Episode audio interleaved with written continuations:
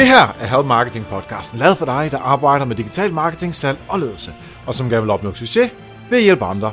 Jeg hedder Xings, og Help Marketing producerer som min virksomhed, der hedder nok meget. I dag der er det afsnit nummer 159, og vi er simpelthen fire forfattere med i dagens afsnit. Fokus med Help Marketing er, at vi skal blive bedre til at hjælpe hinanden, fordi det er den absolut bedste måde at skabe succes for sig selv og andre på, baseret på værdifulde relationer. Og vi hopper direkte til ugens marketingværktøj, der i den her uge er sponsoreret af vores gode venner hos relationsbyrået Julsen.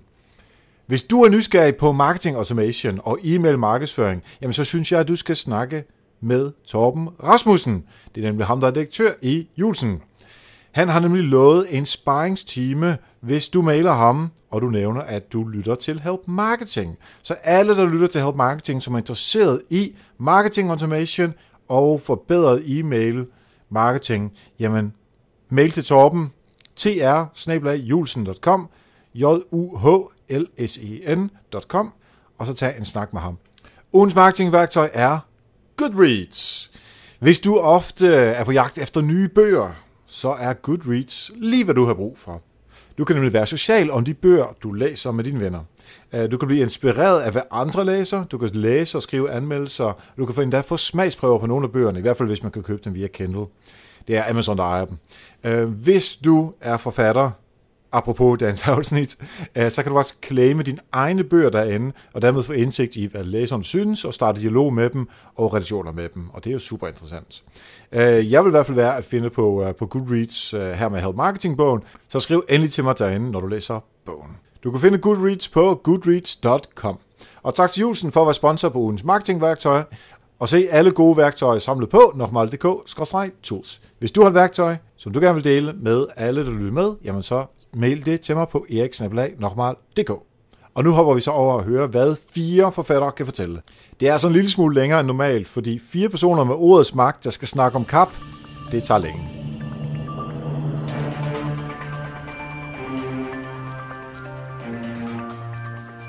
Yes, så sidder jeg her sammen med Jakob Killebogård, som er forfatter til Online Evangelisterne. Så sidder jeg også sammen her med Astrid Haug, som øh, er forfatter til bogen Fremtiden tilhører de frygtløse.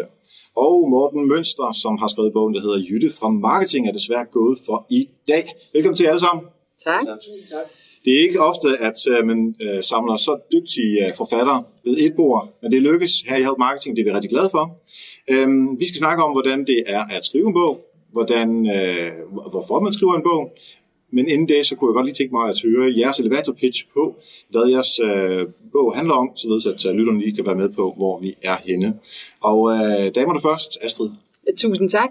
Jamen, min bog den handler om, øh, kan man sige, det er en guide til den digitale forretningsudvikling. Øh, jeg var selv optaget af, at der sker rigtig mange ting inden for kunstig intelligens og robotter og Internet of Things, og hele tiden hele den her disruption hype hvor jeg havde brug for at blive klogere. Øh, så på mange måder sådan lidt et egoistisk projekt, hvor jeg siger, okay, kan jeg selv blive klogere, og kan jeg så videreformidle det? Så den giver sådan lidt et, øh, kan man sige, en hurtig flyvetur hen over det her digitale landskab, som vi står overfor. Og hvem er målgruppen? Målgruppen, det er folk, der er interesseret i at følge med. Det er ikke kan man sige, det er ikke startups, det er typisk folk, der er i virksomheder eller organisationer, gerne offentlige eller private, øh, som ved, der sker en hel masse derude, men som måske endnu ikke lige har fået læst op på øh, kunstig intelligens og robotter og alle de her ting, men, men godt kunne tænke sig at at stige på det tog og, og være med. Mm-hmm. Fedt. Morten, hvad med din uh, bog? Den udkommer jo lige præcis i dag, mens vi, mens vi optager her. Ja, det gør den. Den handler om, øh, om adfærdsdesign, øh, og bogens sådan, centrale præmis er, at øh, vi bygger forandringsstrategier og forandringsledelse og kampagner og salg til, til en utopi af et menneske, der ikke rigtig eksisterer. Så det er et forsøg på at tage sådan en evidensbaseret tilgang til, hvordan mennesker beslutter sig, og hvorfor de vælger at gøre A eller B, og så prøve at komme med nogle sådan ret konkrete metoder til, hvordan man så kan påvirke dem igennem øh, den viden. Så det er sådan den grundlæggende præmis for bogen. Ja, og målgruppen? Målgruppen er relativt bred. Det er folk, der arbejder med forandringer bredt. Og det er både jo en gave for en, for en bog, vi kan komme tilbage til, men, men det er også en ulempe, for der er ikke som sådan en præcis målgruppe. Det er typisk folk, der arbejder med forandringsledelse, strategi eller compliance. Det er sådan de tre overordnede felter. Yes. Og til sidst, Jacob, Jamen, jeg har øh, lavet Online Evangelisten, der er en øh, samling af 100 gode tips til at sælge med online. Og øh, i virkeligheden har jeg jo ikke skrevet så meget bogen til sådan procentmæssigt i forhold til hans lov. For jeg har simpelthen fået 100 øh, forskellige eksperter til at give hver deres input på øh, deres allerbedste råd. Og øh, jeg synes, det er blevet en, øh, en fantastisk samling af, af gode råd. Øh, det er at have 100 forskellige hoveder til at give deres aller, allerbedste råd øh, komprimeret helt ned til øh, det en fang til en side, øh, så det kort og effektivt præcis, hvad er det, der kan gøres, øh, og så man sælger mere online. Ja, og øh, målgruppen? Hovedmålgruppen er selvfølgelig øh, e-commerce, altså webshop, ejere, øh, e-commerce managers, CDOs osv., øh, men jeg vil sige, der er absolut også rigtig, rigtig mange gode råd, øh, der kan bruges af folk, der ikke direkte sælger, men bare gerne vil have kvalificeret trafik og leads øh, på deres site. Fedt. Så der er lidt, uh, lidt forskellige uh, bøger. Uh, jeg tror ikke, jeg behøver at fortælle om Help Marketing-bogen. Uh, hvis man har lyttet med bare et afsnit, så burde man vide en lille smule om bogen. Um, så uh, lad os gå til uh, Morten og høre om, uh, hvad der fik, til at, fik dig til at skrive bogen. Jamen, øh, jeg skrev den, fordi jeg synes, den manglede. Ikke ud fra sådan et sådan idealistisk synspunkt, om jeg skulle, skulle redde verden, men øh, adfærdsdesign har været meget fremadstående de sidste par år, også øh, nudging, og i de faser er der masser, der har misforstået det, der har mange, der har hated på det, lidt ligesom Astrid også sagde med disruption hype osv., øh, og ligesom så mange andre ting, så er det sindssygt godt til nogle ting, og elendigt til nogle andre ting. Jeg kunne godt tænke mig, at der kom et lidt sådan samlet værk, der forklarede, hvad det var, øh, hvad det kan bruges til, og selvfølgelig også, hvad det ikke kan bruges til. Fordi der er så mange, der har rejst rundt og sagt, at alt det, vi har gjort før i tiden, er tåbeligt og forkert og alle mulige ting, og det passer selvfølgelig heller ikke. Så jeg skal ligesom prøve at skille lidt øh, forne fra bukkene, og, og, og det synes jeg, det mangler, for der er så mange, der løber rundt og siger, de bruger det, og mm. siger, de arbejder med nudging og adfærdsdesign. Der, der er ikke rigtig nogen, der er ikke noget værk på dansk, som virkelig som grundlæggende forklarer, hvad det er, og komme med konkrete cases, og netop vise metoden bag, fordi et hvert menneske kan læse en, en bog om nudges. Øh, desværre det er jo at bruge metoden i den virkelige verden. Så, så det var et forsøg på det. Så jeg synes, bogen manglede, basically. Ja.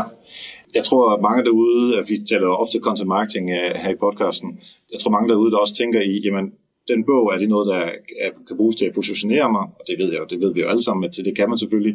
Men er det også en del af overvejelsen, fordi du gerne vil ind på det her felt som med øh, bureauet, eller er der sådan lidt mere egoistiske tilgang til det også? Øh, det er rigtig meget omkring positionering. Altså, og ikke nødvendigvis, fordi vi skal skubbe nogle andre væk, for der er faktisk ret få leverandører.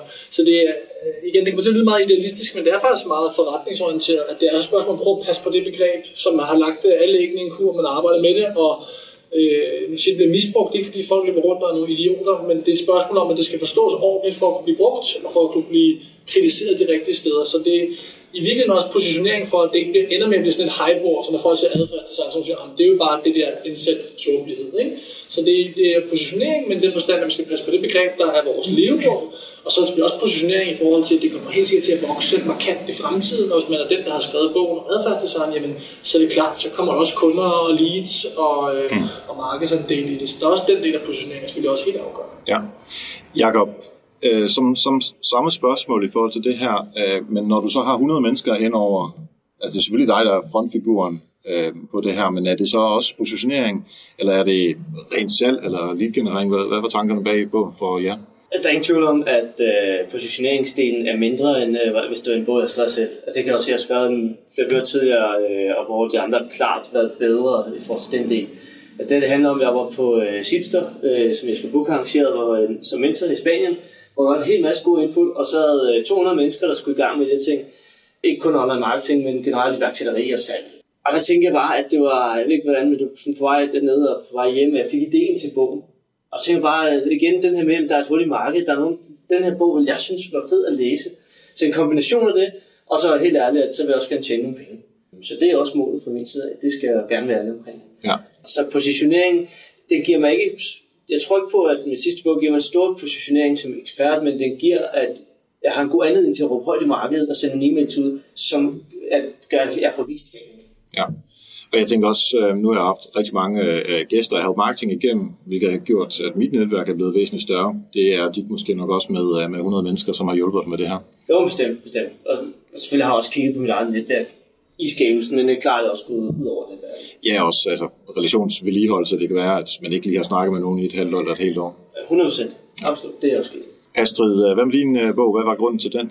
Den ene grund var, at jeg var rigtig træt af, at, at øhm, der var sådan en forestilling om, at når man skal bo i Silicon Valley, eller har været rigtig meget i Silicon Valley, før man må mene noget om teknologi og disruption og, øhm, og, og, og de her ting. Og hvis man kigger rundt i Danmark, så kan vi altså rigtig meget. Så jeg var sådan lidt, øh, lad os prøve at få den fortælling frem, lad os prøve også at være lidt optimistiske sådan på, på Danmarks vegne. Og jeg læste utrolig mange af de her tunge rapporter, både fra ja, den ene og den anden institution og, og det offentlige osv., som bare var, var utrolig kedelig. Så jeg tænkte, vi må kunne gribe det her område an på en lidt mere interessant måde. Og så var det så også, eller er det jo også en investering i min egen fremtid, fordi jeg tænker, at jeg har arbejdet rigtig meget med sociale medier de sidste 10-12 år. Det, det er også det, folk som måske typisk kender mig fra, men jeg har også brug for at rykke mig, altså mentalt. Det her med at stå og, og snakke om øh, Facebook-strategier. Det kunne være meget sjovt at tænke om, om fem år, så er det måske nogle andre ting, jeg sidder og arbejder med. Øhm, så, så det var både sådan en investering i min egen fremtid, så netop den her positionering i forhold til at, at, at komme ind på den her bane, hvor man, hvor man taler, kan man sige, lidt mere overordnet om forretningsudvikling og digitalisering, og ikke, ikke kan man sige, kun i forhold til sociale medier. Jeg regner ikke med at, egentlig at tjene så mange penge på selve bogen, men det er klart, der er også den her afledte effekt i forhold til, til foredrag og konsulentopgaver.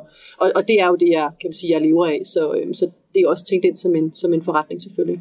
Ja, som en slags uh, mikroconversion inden man køber de store uh, Ja, eller kan man sige, et, et, altså et lidt dyrt visitkort, ikke? som ja. man kan have med ud til kunder og forskellige andre sammenhænge, hvor, ja. hvor man ligesom siger, det er det her. Og så er der den der lidt, lidt sjove ting jo, at hvis man har skrevet en bog om det, så så er folk ret, kan man sige, tilbøjelige til at tro, at man også rent faktisk ved, masse om det.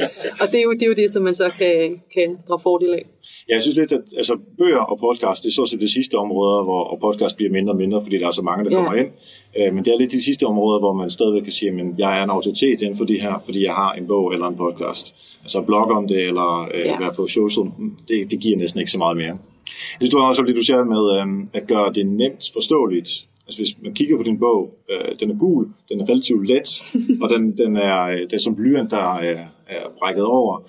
Altså den, den formidler også let forståelighed, synes jeg. Ja, altså der var en, der skrev i en eller anden messe, at den var kort og klog, og så var jeg simpelthen lykkelig, mm. fordi det var ligesom, hvis man kombinerer de to ting, nu er jeg uddannet inden for, for kommunikation og medievidenskab, så, så, så er det rigtig godt. Jeg synes ikke, der er nogen grund til at gøre de her ting mere besværlige.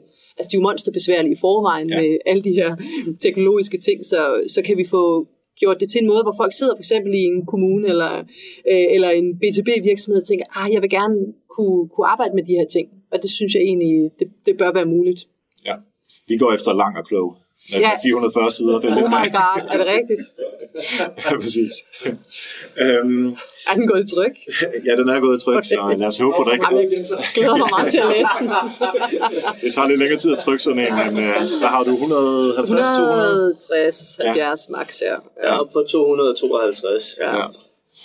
Ja, folk har ikke tid. Folk har ikke tid.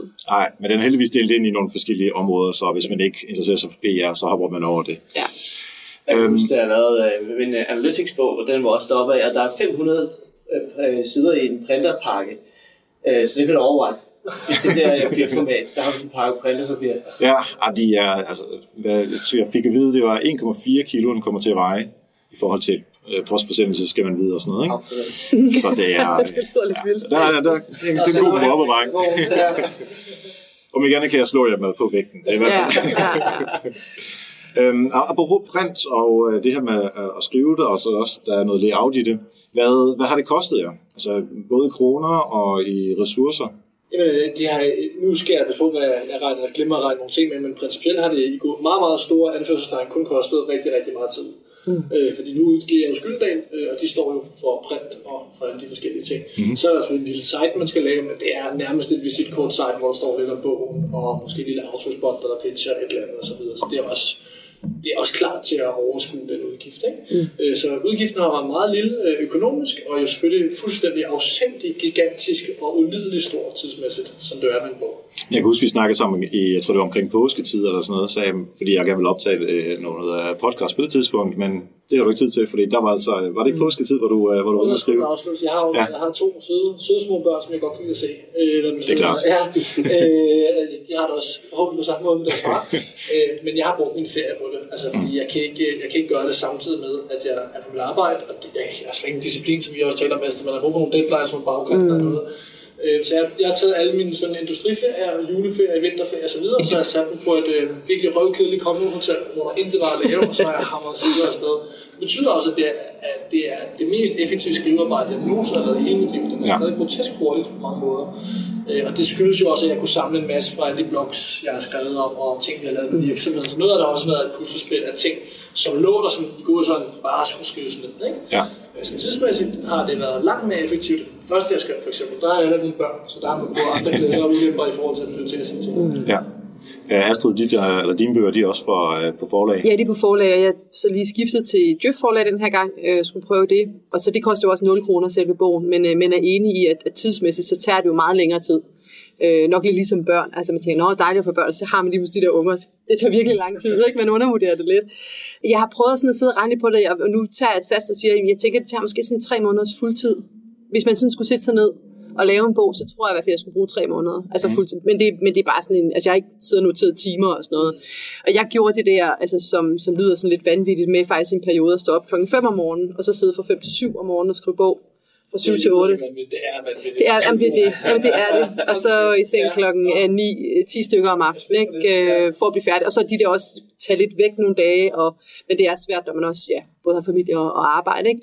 Så nu er jeg faktisk her i efteråret, skal jeg sådan prøve at finde en rytme, hvor jeg bare står op klokken 7 om morgenen, og jeg, sådan, jeg har sådan en helt vildt dårlig samvittighed. At Fordi, ja, men lige præcis, jeg skal ikke op og skrive og sådan noget, det, det er vildt mærkeligt, men øh, ja, altså, det var sådan en, øh, en dræber, som jo så gik ud over så mange andre ting, socialt og så videre, ikke? Men, øh, men det var bare nødvendigt. Ja. Når, man, når nu det er på øh, forlag, så er der selvfølgelig også væsentligt færre penge, der kommer ind den anden vej. Ja. Forlaget skal også have masser af penge, mm. for at I øh, ikke behøver at stå for alle de her praktiske ting. Øh, hvordan er det, det hænger sammen, sådan rent økonomisk? Øh, det hænger slet ikke sammen økonomisk. Nej. Altså, det kan man, hvordan, hvad du vurderer det efter. Men man kan sige, at man får en royalty, jeg kan ikke huske, hvad den er, men den er relativt lav, men, men det er sådan det dealen, ikke? som Ja. jeg steder og sagde, det er jo, jeg tror, hvis du siger et velbetalt foredrag, så tror jeg, du har et udsolgt første oplag royalties. Mm. Så Ja, okay. tæt på. Det, det er lige før, at det er faktisk identisk. Øh, Ja. Og der kan man jo sige, at hvis man skriver en god bog, og man er god til at markedsføre den, så kommer der jo mere end et velbetalt foredrag. Så Ja. det er jo med åbne øjne, man går ind i forelæsting, og der, der er masser af gode grunde til at, til at selvudgive. Det kunne jeg sagtens overveje på et tidspunkt. Men jeg er lige der, at det er den anden bog, hvor vi er i gang med at bygge en virksomhed og sådan noget. Der giver det rigtig god mening at have Gyldendal i ryggen og bruge det som en blåstempling og en del af branding og så videre. Øhm, så det giver fin mening. Men sådan økonomisk øh, for sådan salg af bogen royalty-mæssigt, der giver det tror jeg kun mening for Svend Brinkmann og, øh, og nogle af de andre. Medmindre jeg har overset eller totalt der. Nej, jeg har- Ja, jeg kan se. Så lad mig at sige, at jeg er misforstået blandt det. Jeg har det på samme måde overvejet faktisk med den her også at udgive selv, også bare fordi, så skulle man være sådan lidt moderne, ikke? øh, og jeg havde bare brug for det der forlag, hvor jeg, som jeg kunne lave en aftale med at få en deadline, og som stod for alt det logistiske og praktiske og tryk og sådan nogle ting. Altså, så, så man, på den måde køber man sig fra de der lidt mere praktiske ting. Ikke? Jeg ved godt, at der er mange smarte løsninger. Så det er stadigvæk, hvis jeg nogensinde skal skrive en bog igen, så vil jeg helt klart overveje det, og så må vi se, om jeg kan blive overbevist om at udgive selv. Ja. Jakob, du og jeg, vi, øh, og Anita, vi kører selvudgivelse, ikke? Ja. Hvad, øh, alt det der arbejde... gør vi det? Ja, hvorfor gør vi det? Nu, jeg, jeg, når jeg lytter til jer, jeg har også stået op klokken syv, jeg har også taget alle mine ferier, alle mulige steder hen. Jeg sidder i tog syv timer for, øh, til Berlin, for at sidde og skrive i toget, fordi så ved jeg, jeg ikke kan lave andet, Ja. ja. fordi det er afsindig kedeligt. Mere kedeligt end øh, hoteller. Og jeg, altså, alt det, I siger, jeg kan, Ja, ja, ja. jeg kan høre det så meget, det har jeg også selv gjort. Udover det, så er det jo meget fedt, men jeg er jo stadigvæk lige midt i det, øh, så jeg er ret træt af det lige nu. Det- Jeg bliver nok mere positiv, øh, ligesom I er nu, senere. Men øh, Jakob, øh, lad os tage et spørgsmål. Hvorfor gør vi det? Ja. Jamen, det er jo et godt spørgsmål. Altså, hvorfor vi udgiver selv? Mm. Jeg vil sige, at jeg tror, der primært er to årsager fra min side. Det ene det er, at så styrer jeg det. Så er der ikke en eller anden, der, der er uenig i nogle beslutninger og vil have det på en anden måde og har nogle templates, jeg egentlig ikke selv synes er optimale. Og den anden side, det er jo igen det økonomiske. Deadline er fint, men det har jeg så selv sat. Altså, det har jeg... Det, det, det, det er fandme også at, at, at, at presse sig selv, men, men det ene gang, der havde vi... øh, Til AdWords på 14, der havde jeg en Google-event, hvor der skulle jeg have en fysisk udgave i, i hånden, når de folk sad i den sal. Og den anden gang, der havde vi en konference, hvor øh, det var til konferencen, vi udgav den, og der skulle jeg også have en fysisk udgave. Og begge gange endte jeg også ud at lave en hastebestilling og betale ekstra for det, fordi jeg var pisse over tid. men, men, men, så redder man lige fem hverdage eller et eller andet. Ikke? Uh, men så, så den deadline har man med garanti brug for. Ja. Øh, men, men resten synes jeg alligevel er ret nok. Og man kan sige, specielt hvis man så har gjort det før, så kender man processen, og man ved, hvad, hvad det er. Man kender hele, øh, hvad er det for, fra, fra man selv synes, man er færdig til at skrive, jamen, hvad er det så for nogle elementer og, og processer, der skal i, i gang, før man faktisk har et slutprodukt. Og der har jeg jo nærmest bare et, et, en template nu til det. Så, så det må jeg lidt nemmere udgive selv. Ja, der næste bog vil være nemmere. Ja, Ja, og det er, det, det er også det, vi tænker i. Altså, når vi, vi har jo forpligtet os til at hvert år opdatere bogen med de nye informationer, der er Mm. om Facebook og øh, alle de andre ting, der sker. Plus, der, vi snakkede før, vi, øh, vi startede her lidt om øh, fejl i bøger. Der, mm. Vi har allerede fundet et par små fejl, øh, men vi håber også på, at læserne vil give os input tilbage. Og det er jo værdifuldt, fordi så er det den næste version, hvor vi kan opdatere mm. det. Øh, Så det bliver bare bedre og bedre. Nærmest sådan uh, internetagtigt online, bare i, uh, i bogformat. Men, men i forhold til udgifter, så er det jo også et sats. Så da jeg skrev AdWords-bogen, tror jeg, jeg havde omkring 50.000 upfront. øh, Ja. som jeg ikke vidste, om jeg mm. fik hjem igen. Og Men jeg, men jeg jo også blevet mere kristen. Jeg, altså, jeg lavede en bog i 10 sammen med Morten Vadskam Analytics, som var virkelig grim. Altså, vi købte den stokfoto der forsiden, og resten ligner lort. Det var er Morten inde i det her, by the way, så du er med. Men det skal sgu blive pænere, for jeg vil lægge, uh, lægge navn til det igen. Og det gjorde så, at jeg havde en grafiker ind og det gjorde, at jeg havde, havde nogen til at hjælpe mig med hjemmesiden og ja, online-betaling osv. Og så, så kom det op i nærheden af de 50-60.000. Altså. Ja. Og hvad, hvad, må jeg spørge af ren interesse? Nu sidder Astrid mm. herovre, stokkonservativ udgift. Meget gammeldags, ja. Hvad er breakdown, for 100 kroner? Altså hvis, man, hvis en eller anden betaler eller 500 kroner for at lave lidt rundt, jeg er sproglig uddannet. Hvor meget, hvor meget bruger man til, til udgifter på tryk eksternt, på at sende det på lager, på, er det print on demand, man bruger, eller hvad, hvad fanden gør man? Altså i, i, vores, i vores tilfælde, øh, ja, altså i vores tilfælde er det, øh, det er 1000 bøger, som vi får lavet, og det koster lige under 70.000 for at få den tryk, fordi Det er jeg lavede en telefonbog. Ja, det er præcis, ikke? Du kunne lave den lidt lettere version. Jeg den. Ja, ja, ja. 300.000 kroner. Hvad kommer han til at koste så? øh? Jamen, den kommer til at koste øh, 6,99 plus moms. Og det er jo det, der er en væsentlig forskel på, øh, hvad er din, den koster 270, 300? Ja. Ja. Hvad er det, din koster? ja, jeg tror en 250 eller sådan noget. Ja. Og din, Min, ko- mine 500 x moms inklusive e-bog. ja, okay. Ja. Og vi, øh, vi tænkte, fordi vi har været rigtig meget i tvivl om, øh, skal den være øh, de der 6,95, eller skal den være ned på, på øh, 300 Ja. kroner? Det er sindssygt svært, men vi tænkte, hvis vi sætter på 300, så får vi i hvert fald aldrig op, hvis nu vi sælger ud øh, stort set på, på første dag. Ikke? Så hellere øh, starte derop. Jeg, jeg tror ikke, vi kommer til at gå ned, fordi jeg synes egentlig, at kvaliteten er så, øh, så høj af det her, at, øh, at det godt kan betale sig. Ud af det, så har vi ikke brug for at få solgt helt så mange, øh, for at pengene kommer ind igen. Så lige nu, der siger mit Excel-ark omkring en 140-160.000 kroner, som er ude af lommen. Ja. Og Og det er på tryk, det er på tryk til de 70 og så hvad er det med, bruger så? øh, vi har haft en redaktør indover, mm. øh, korrekturlæser, Okay, ja. og så øh, Kim Dolleris, som øh, er øh, layoutsmand, som så lige nåede at øh, blive far for anden gang midt i layout-delen. så det tog også lige øh, lidt ekstra tid.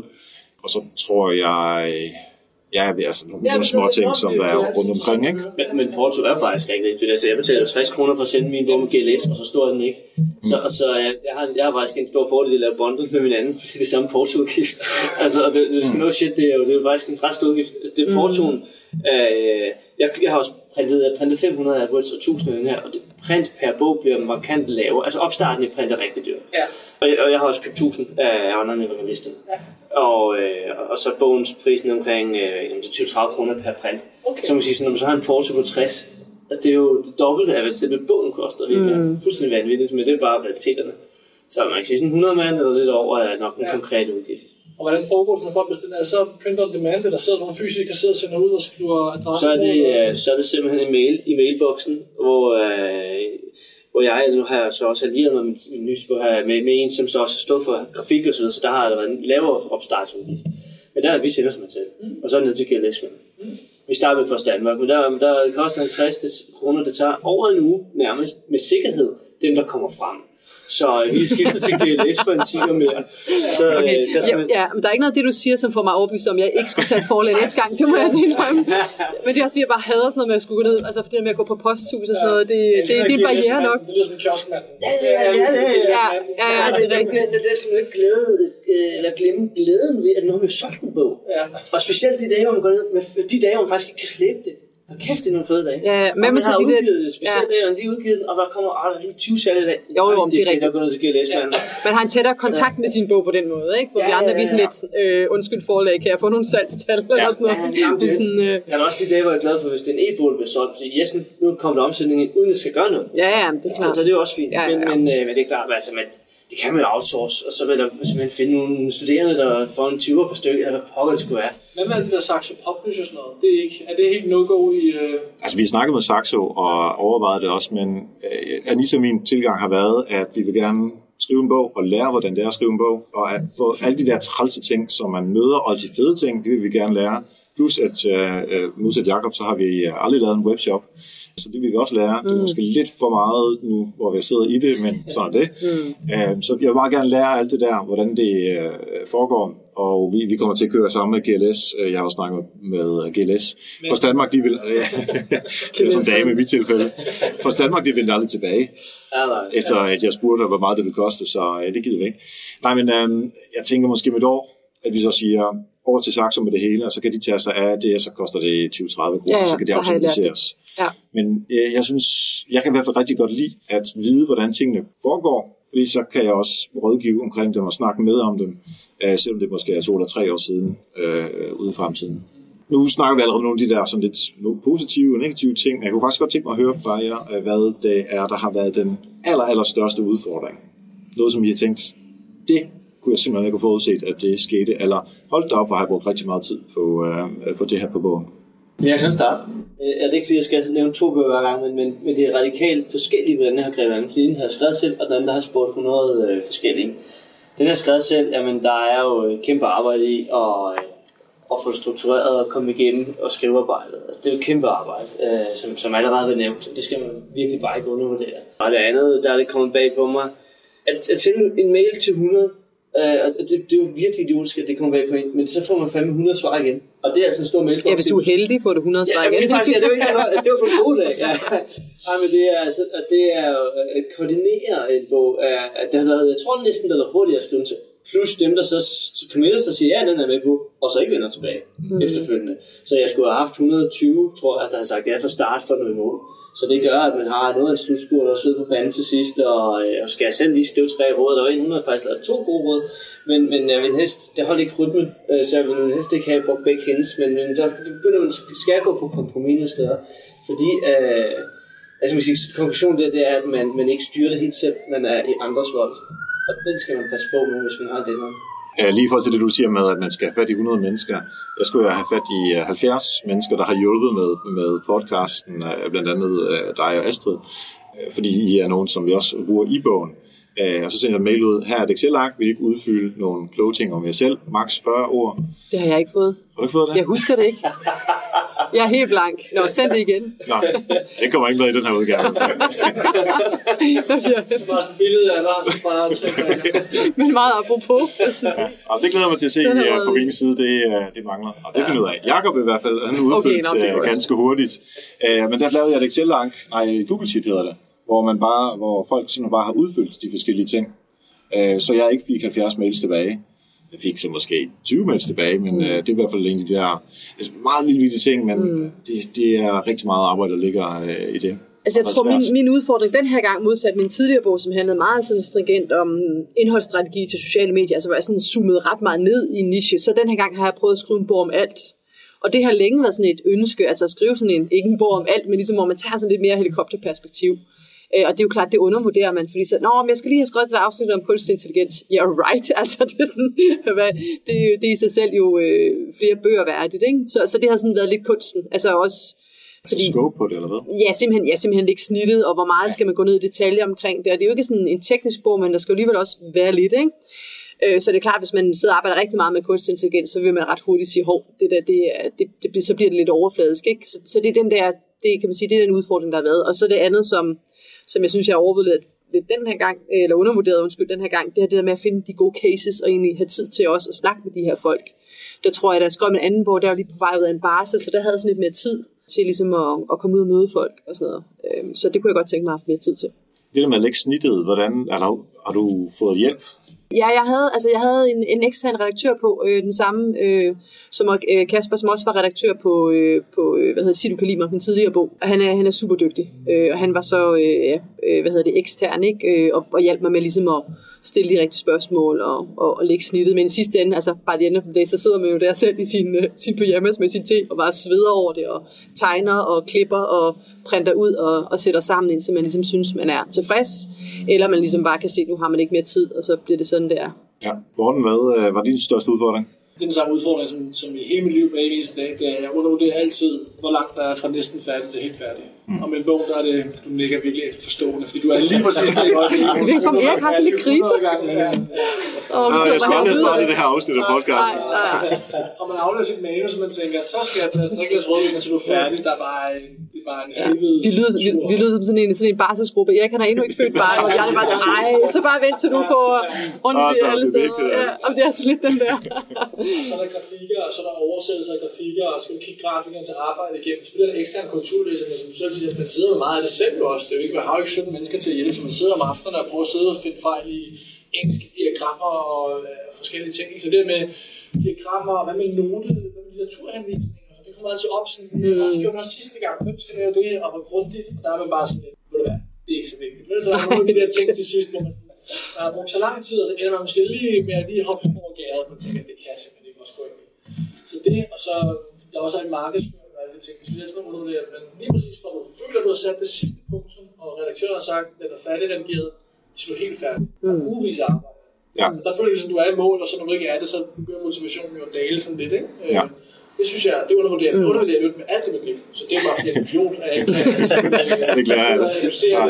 den læring andre steder, ikke? Nu har du været hos uh, i Potter i Pottercuts og fortælle om, hvordan uh, processen har været med at uh, lave pre-sales eller pre-orders, og, og var det her i dag også. Uh, så det kan lytterne gå ind og lytte på, hvordan du har konkret har gjort. Jeg har i hvert fald tænkt mig at stjæle den der med at uh, lave bundles med 10, måske ikke 100, men i hvert fald uh, 10 eller 50 eller noget i den stil.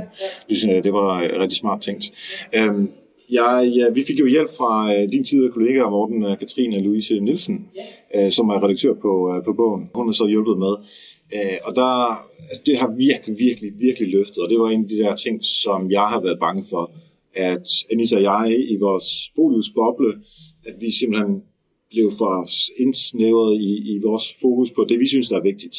Både fagligt, men der har vi heldigvis uh, kunne snakke med sådan noget som jer og alle mulige andre, som er i vores netværk, men, uh, men også sådan den der sådan formidlingsmæssige uh, del, og der har hun virkelig uh, løftet bogen med nogle kapitler, som simpelthen er blevet rykket rundt, fordi mm. det flowet var bedre, um, og vi har haft en, um, uh, en der Kirstens på, som har kørt det på de enkelte afsnit eller kapitler, der har hun så været redaktør på for at få det til at fungere, uh, og så selvfølgelig korrektur senere hen. Altså det der løft, det, det tror jeg virkelig er det, der har gjort, at, øh, at jeg kan tillade mig i dag, at, sige, at jeg gerne vil tage den pris for det. Fordi hvis vi ikke har haft det, så ville den ikke have været halvdelen værre, end det den er i dag.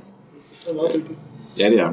Det er en ulempe, ved ikke at have forlag på. Øh, nu siger du selv også markedsfører alligevel, kan man sige, men, men, men når man ikke har forlag på, så sælger du ikke noget, hvis ikke du markedsfører overhovedet. Og ja, du, du får sådan en ret, fordi men er jo, jeg vil ikke sige udbrændt, når man udgiver, men der har man altså haft nok lange nætter eller tidlige morgener, for- fordi de vedkommende så ikke, jeg har vist haft lange nætter.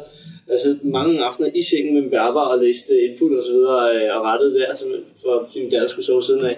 Det er jo sindssygt, hvad man, men, men man når igennem det. Så når man endelig netop har en plantet udgave i hånden, det er et helt mirakuløst øjeblik, men man orker næsten ikke at markedsføre mere. Og det dummeste, for man er kun halvvejs der, mm. fordi du får fanden ikke lavet det arbejde for ikke at sælge noget, så har du så 1000 print, de står nede i en kælder eller et eller Men andet. det lidt, lidt omvendte fordel her, det er jo, at, at forlagsbranchen jo ikke nødvendigvis er, er notoriske for tempo.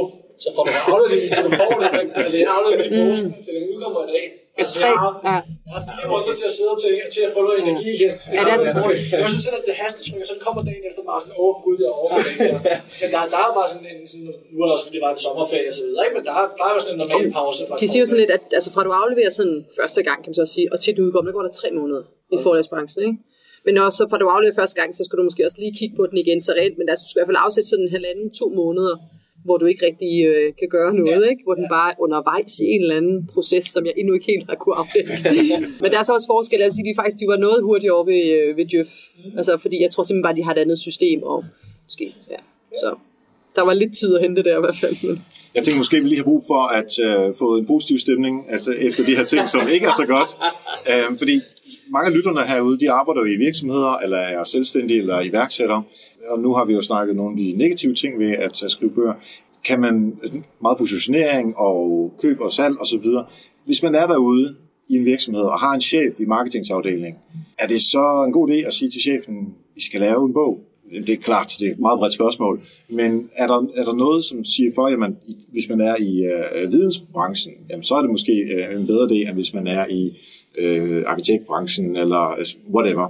Hvad, hvad tænker I, man øh, lytterne derude, som, øh, som arbejder i en helt almindelig virksomhed, de kunne bruge øh, ideen om at skrive en bog til?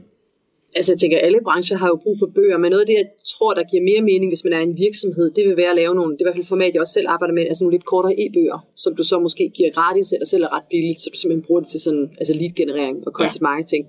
Lige udebart tænker jeg, at bøger ofte er sådan lidt et, et ego-projekt. Altså der skal være en person, der driver det. Så, så hvis du omregner det til timer i virksomhed, så får du aldrig igennem i budget, øh, tænker jeg, for det kan være svært ligesom at sige, hvad det værd, ikke? Så er der nogen, der gør det, hvor det er sådan, om så er det bogen om virksomheden, eller, eller et eller andet, men ofte så er det jo en, en direktør, eller, eller, eller noget, som siger, det her det er mit, sådan, mit ego-projekt, nu sætter jeg altså lidt tid af det næste halvårs tid, eller næste år, til at gøre det her. Ja, jeg tænker også, at det må være, altså det er jo et kæmpestort stykke arbejde.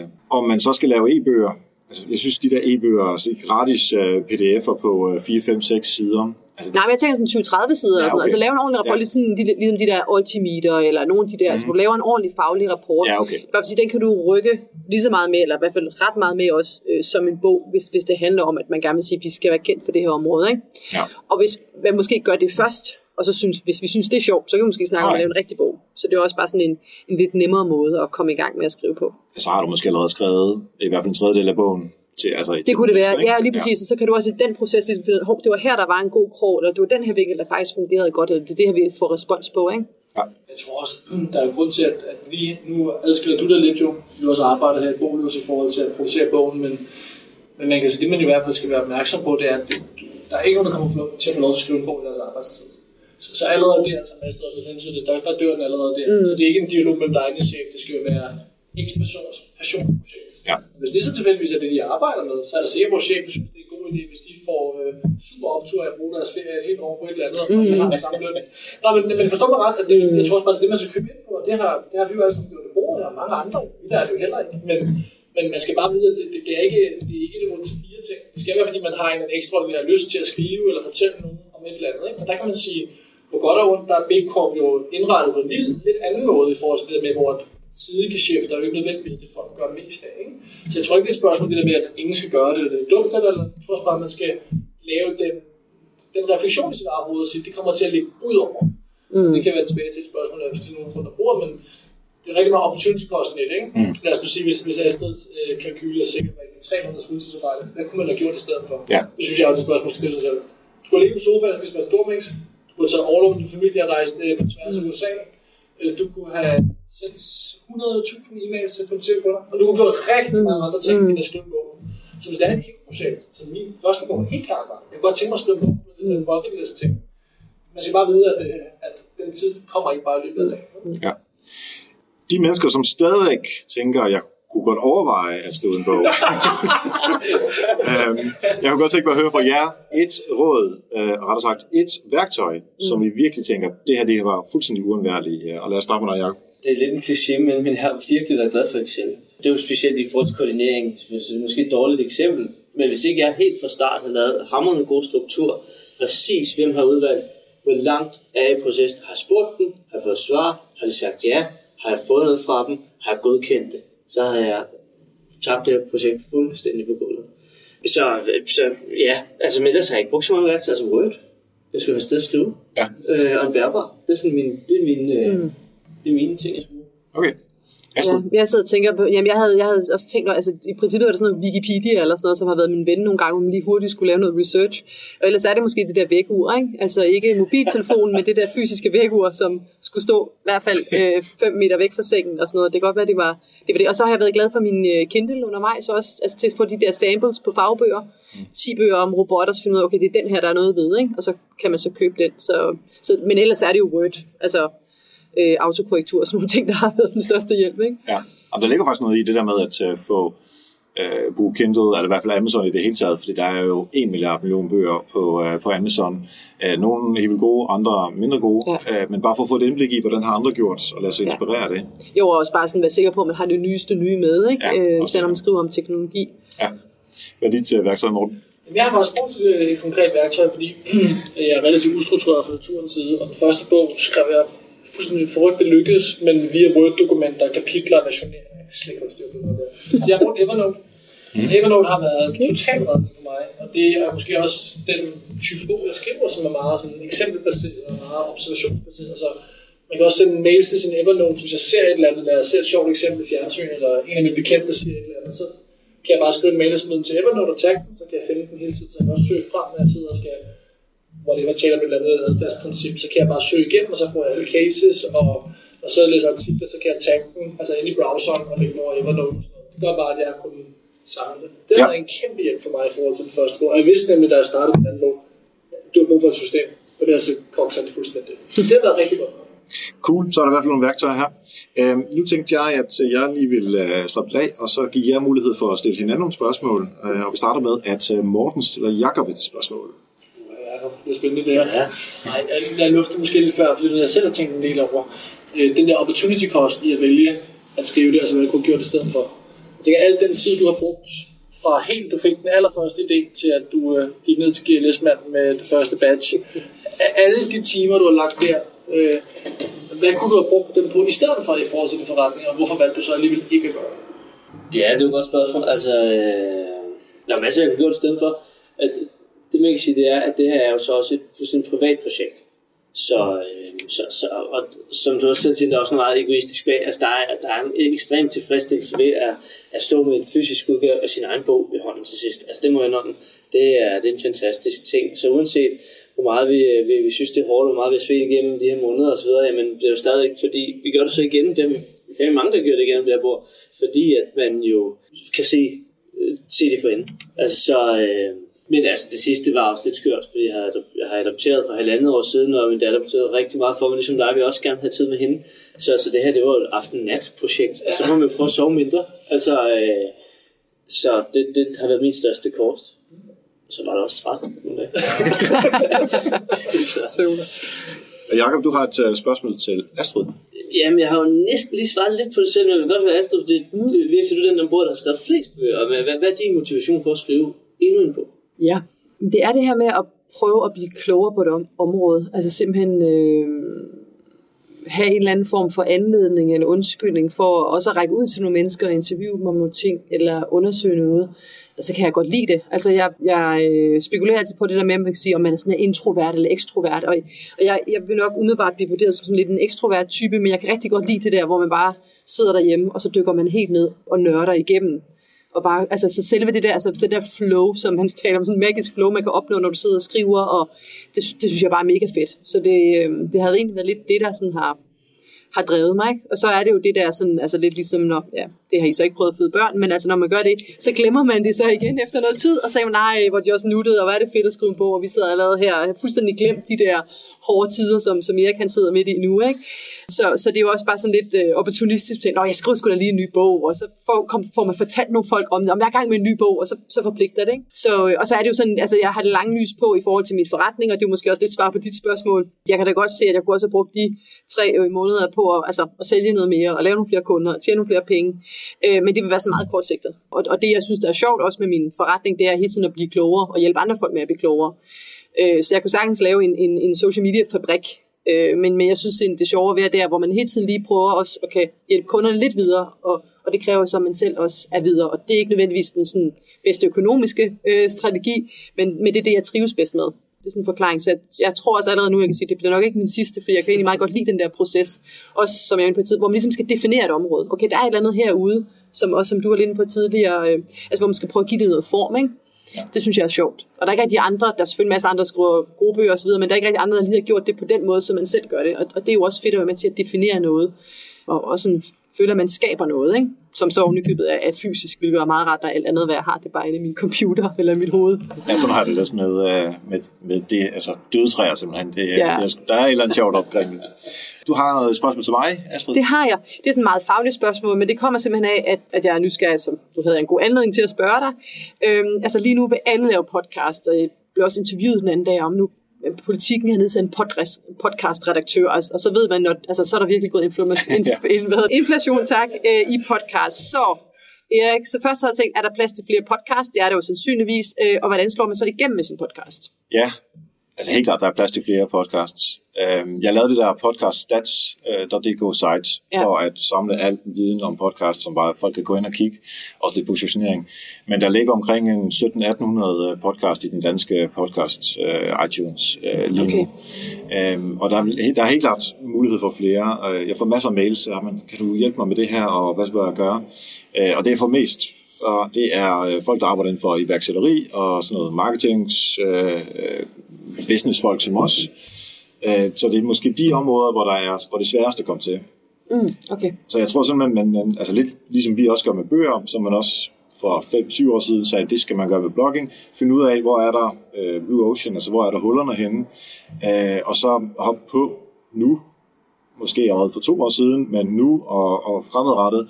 Fordi hvis man er den første, der har en podcast inden for emne X, så kan man ret hurtigt løbe det i gang. Mm. Og det er altså uh, undiscovered country stadigvæk. Kan du bare lige sådan opfølgende spørgsmål? Altså, hvad er så, fordi vi overvejer faktisk nu i min, i min øh, hvad hedder, virksomhed, om vi ikke skal lave en podcast, mm. apropos det skal man jo have. Hvad er sådan business casen? Altså, hvad kan man, øh, kan man tjene penge? Er det den tid værd, som man bruger på det? Altså, det er stort set ligesom bøgerne. I hvert fald for jeres vedkommende, hvor, hvor der er mindre omsætning i det for jer, fordi mm. I har øh, forlag på. Det er, altså, nu har jeg også øh, sponsor på podcasten, så mm. derfor den, den går i nul. Øh, Det er meget godt. til lidt Patreon-penge fra, øh, fra lytterne, som jeg er rigtig glad for. Øh, men det er ikke, man bliver absolut ikke rig af det. Og hvis man ikke bliver rig af bøger, så bliver man indre mindre rig af, af podcasting. Så man skal ikke gøre det, fordi man, øh, man tænker, man vil tjene penge. Men mindre man kommer fra øh, DR eller TV2 øh, og hedder Anders og Anders og sådan noget, mm. øh, og kan få Irma, eller nu kan jeg ikke huske, hvem er, der sponsorerer deres forskellige ting. Men øh, sådan nogle, jeg har nemlig også tænkt på, øh, nu, nu har jeg sådan noget som lasertryk, den der har trykt øh, også Jacob på min øh, bog, øh, og sådan erhvervsakademiet i Kolding, altså sådan nogle, som er relevante for min målgruppe. Mm, mm. Øh, men jeg har sådan overvejet, måske vi skulle tage fat i øh, nogle af de der, øh, de der øh, online Facebook-tjenester, som, øh, som sælger alt muligt øh, over for målgruppen, altså de der store amerikanske, men jeg har bare ikke haft tid til at tage fat i dem. Og lige nu, der har jeg også øh, okay med sponsor på. Jeg vil ikke have for meget på. Altså, hvad tænker du, sådan noget Falcon Zendesk-agtigt? Ja, ja, lige præcis. Og det, ja, ja, man kan tage de øh, danske med, eller Komfo kunne det også være. Ja. Det kunne man sagtens tage fat i, og så se, om de har lyst til, fordi, men de er jo meget sådan lead-genererende fokuseret, og der er podcasten måske ikke helt vildt stærk, fordi det ligger bare lige en tal eller to højere op i, uh, i salgstrakten. Man kan bruge promo codes, og for læstryk.dk, øh, hvor der er promo codes på Hey Help Marketing, der, der øh, kører vi faktisk med en øh, ganske fin øh, ROI, altså for mm. dem, ikke? Øhm, men, men altså den, øh, man skal ikke gøre det, fordi man gerne vil sælge for sine kunder. Man skal ikke gøre det, fordi man vil være mega rig, men positioneringsmæssigt. Og for mit vedkommende er det her netværk. Mm. Altså, mm. Øh, kan i hvert fald, der er ikke jeg tror egentlig, podcasten er årsagen til, at jeg kender jer alle tre. Men det er jo egentlig også det, vi tænkte nu. Folk, man havde lyst til at mødes med, ja. og hvis man alligevel skulle ud og snakke med dem, så kunne man lige så godt lige sætte den op til. Altså, jeg ved Ja. godt, det er mere end bare lige at sætte den op til. Ja. ikke? Men, men den tankegang, at det var egentlig lidt ligesom med, med mit bogprojekt, det var for at blive klogere også selv undervejs. Ikke? Ja. Øh, og dermed, altså, du kan jo både tænke det i forhold til, jamen, jeg kunne godt tænke mig at have Arla som kunde. Jamen, så lad mig interviewe øh, kommunikationsdirektøren eller Nå, nej, marketingdirektøren. det var ikke engang så uspekuleret, nej. Ja, det kunne du sagtens ja. tænke i.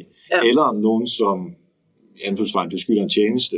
Øh, eller nogen, som du synes, jeg vil gerne hjælpe vedkommende med at komme, øh, med at komme videre. Mm. Øh, så, så man også skal bruge det sådan lidt, mm. lidt help marketing-agtigt øh, på den måde. Både hvor man gerne vil have noget, men også der, hvor man kan give noget. Meget overbevisende. Godt, jeg glæder mig til Astrid Haug-podcasten. fik, jeg lige, lavet- fik jeg lige lovet det her i radioen. Morten, jeg har et spørgsmål til dig. Ja. Øh, Jakob han var inde på det lige før, at øh, han ville gerne have lov til at bestemme alt, og det er derfor, han ikke vil have, være på forlag. Øh, har der været nogle tidspunkter, hvor I har været uenige, øh, både med forlaget, eller dig i forlaget, eller dig og de andre, der har været med ind over, øh, det kan være en layouter, eller korrekturlæser, eller bare nogen som helst andre, der har hjulpet. Hvordan taklede I det? Ja, desværre nødt til at svare, der har ikke været særlig meget drama. Nej. Jeg tror, jeg tror lidt... Øh, Du må gerne tage de andre bøger med. Ja, ja, nej, der har faktisk været ret lidt drama.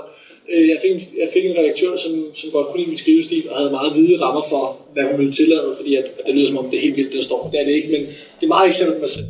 Er meget forsøg på at have nogle skrivepointer med. Så jeg har øh, Michael Douglas med min bog, og Justin Bieber med min bog, i sine referencer. Så det var nogle gange, hun satte sådan, jeg har rigtig mange Niklas Bentler eksempler.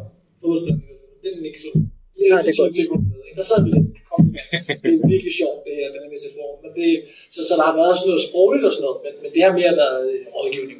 Og jeg tror lidt, som Astrid også nævnte, at når du bliver mit forlag, så er det også fordi, du rigtig gerne vil have en eller anden, der sidder og hjælper dig. Mm. Og dem, der sidder på de store forlag, er jo ikke nogen, der kommer ind fra gaden. Det er jo folk, der sidder med tekster i lang tid, så de sidder bare og rydder op i alle de unoder, man har, når man sidder og gentager sig selv, eller bruger de samme mm. formuleringer og alle mulige ting. Så man får sådan et Word-dokument tilbage, hvor der bare er så bare sådan, ah, accepterer mm. alle rettelser. Ja, ja, ja. Jeg sidder ikke engang kigget igennem. Jeg kigger på de første to sider. Jeg er fuldstændig enig med Nana. Fuldstændig enig med Nana. Det er fint, det er bare at acceptere det hele. Og så lad os komme til at det der så, så, det har der egentlig været. Der, hvor der har været noget, og så er det så meget, det er på, på coveret. Ja. Og der har ikke været, der har ikke været drama, men det er der, hvor man begynder at have en holdning. Ja. Jeg synes ikke, den skal være lilla. Ja. Nej, men jeg synes, den skal være blå.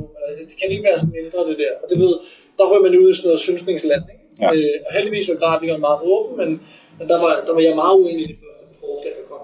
Og så havde vi selv en grafiker, som også har nogle holdninger, som hjalp med noget mockups, og der sad sådan lidt imellem og prøvede at holde, der var ikke for noget sure på hinanden, men der var sådan lidt uenighed. Og det er fordi, man ender et sted, hvor man kan synes en masse ting om farven eller fonten, hvor tekst, hvis man har en rimelig høj tekst, de har skrevet meget, øh, bestemt bedre, så kan man godt se, når nogle andre er dygtige, mm. det er faktisk rigtigt. Det der. Jeg vil vinke det, når jeg forstår et fagligt argument, hvor jeg synes, det er svært med grafik, for der har alle folk en holdning til, om den skal være rød, blå, lilla eller et eller andet. Så ja. der var sådan lidt frem og tilbage. Okay. Men, øh, men jeg synes netop, man er, man er en tåbe, hvis man bliver med et forlag, og så bagefter tænker, at sidder og kæmpe. Og det tror jeg faktisk, der er ret mange, der gør. Der siger, ej, det kan ikke være rigtigt, og jeg vil have det den række. Der er sådan lidt stedighed og noget ego.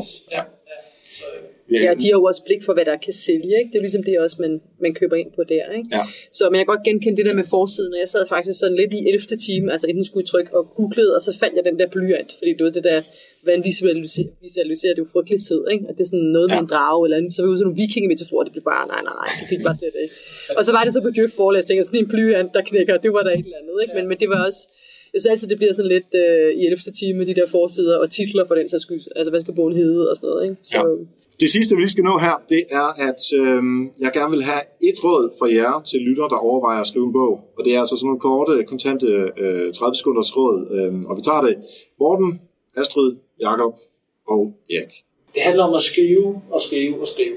Det er et røvkildt råd, men det er det eneste rigtige råd, der er. Man skal skrive, fra man skulle til at stå op, til man går i seng, og når det går helvede til, skal man bare skrive endnu mere. Og skal man skrive, og man skal nok finde de der flow sessions, man skal bare stole på sig selv, når man sidder i to timer, og det er bare ravelse, det der kommer ud. Man bliver kun, altså det er, ligesom med alt muligt andet, det bliver bedre af at træne, men lige præcis på tekst, der handler det bare om at skrive. Når man kun skriver for lidt, så finder man ikke de der flow-faser, så det er bare at skrive noget.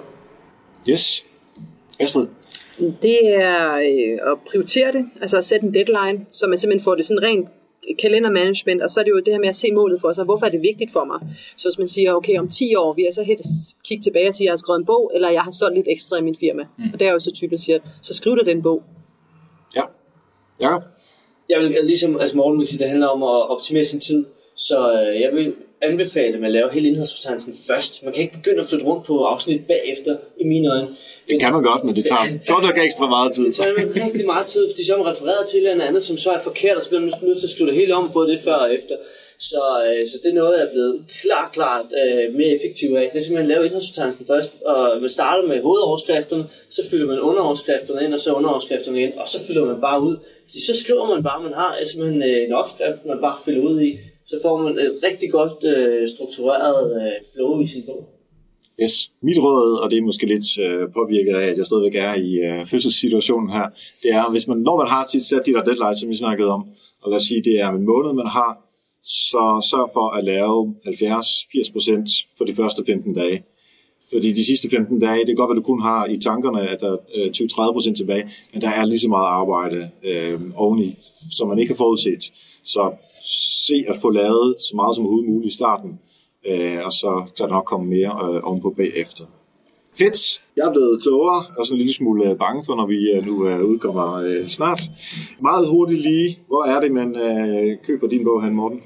På det store internet. Hvis man går ud Jytte for marketing, så tror jeg, jeg har, der har du min placering. Det er en formulering, folk til bruger. Saxo, din bag. Faktisk ligger, lige nu ligger børsen af din, øh, Nå, der ligger over. Ja, ja, du skal lige lave det se. Have det. Ja. Fedt. Astrid, hvorfor køber man din hen? Saxo øh, plejer at være de billigste, øh, synes jeg. Og så søger man jo bare på mit navn, Astrid Hav, tror jeg er det nemmeste. Mm-hmm. Og jeg? onlineevangelisterne.dk, der er sejlet, hvor som øh, viser, hvem de 100, der er med i bogen, og præcis med hvilke emner osv. Der kan man købe den. Fedt. Super mange tak, fordi I var med her i dag. Det var en fornøjelse. Tak. Mange tak til Astrid, Jakob og Morten. Hvis du er interesseret, så se at få købt vores bøger. Det er altså den bedste måde, man kan støtte en forfatter på. Vi vil alle fire sætte pris på det. Du kan finde links i show notes til, hvor du kan købe dem. Og de her show notes, det er jo Sofie Henriksen, der skriver dem. Hendes bureau, det hedder RISpark, altså R-I, spark.dk, er godt i gang, og vi er super glade for, at hun skriver noterne, som du kan finde i din podcast-app eller på helpmarketing.dk, i det her tilfælde under afsnit nummer 159. Og hvad skete der for 100 uger siden? Det var simpelthen med Help Marketing historie, vi er nået til nu. Der var ugens gæst Anders Kongsted, som er social media redaktør hos TV2 Nyhederne. Han er uddannet journalist, og han fortalte om Snapchat. Hvordan finder man ud af at lave godt indhold til Snapchat? Hvordan arbejder man med Snapchat-målgrupperne? Der er tips til måling og øh, på Snapchat i det hele taget, og så nogle øh, konkrete hacks til Snapchat. Det går rigtig stærkt med det sociale medier, men the basics i det her, det er altså virkelig interessant at høre på, hvis du også skal arbejde med Snapchat. Så gå ind i din app eller på helpmarketing.dk og find nummer 59. Og jeg vil gerne høre fra dig. Har du ris, ros, kommentarer, forslag til gæster, værktøjer, så mail mig på eriksnablag.dk. Jeg ser og svarer alle mails. Støt også Help Marketing økonomisk på nokmal.dk-støtte. Vær med på facebook.com helpmarketing.dk, så finder du os på Facebook, og hvis du har lyst til at følge mig på Snapchat, apropos, øh, Instagram og Twitter, så er det altså på Erik Sings lige ud. Og hvis du har en virksomhed, som har brug for et foredrag eller workshops omkring øh, marketing eller forløb omkring den slags, jamen så kan du faktisk hyre mig igennem Nochmal. Og der er også bare den samme mail, du bruger. Bliv hængende lige om lidt til efter falderæbet, og ellers tak for nu. Og husk, ved hjælp andre, opnår du også selv succes. Vi høres ved.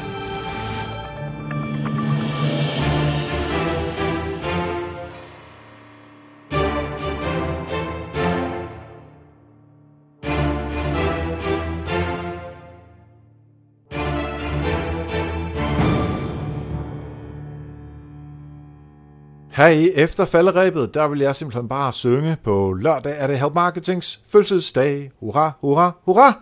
Vi bliver tre år. Tre år med Help Marketing. Det er helt afsindelig fedt. Um, og det er simpelthen så fedt, at jeg ikke vil snakke mere om det nu. Det her det er en lille teaser, fordi på lørdag, der kommer vi med et lille ekstra afsnit på omkring 20 minutter, hvor hele teamet bag Help Marketing, vi er samlet og fortæller lidt af hvert. Så det kan være, at vi høres ved på lørdag.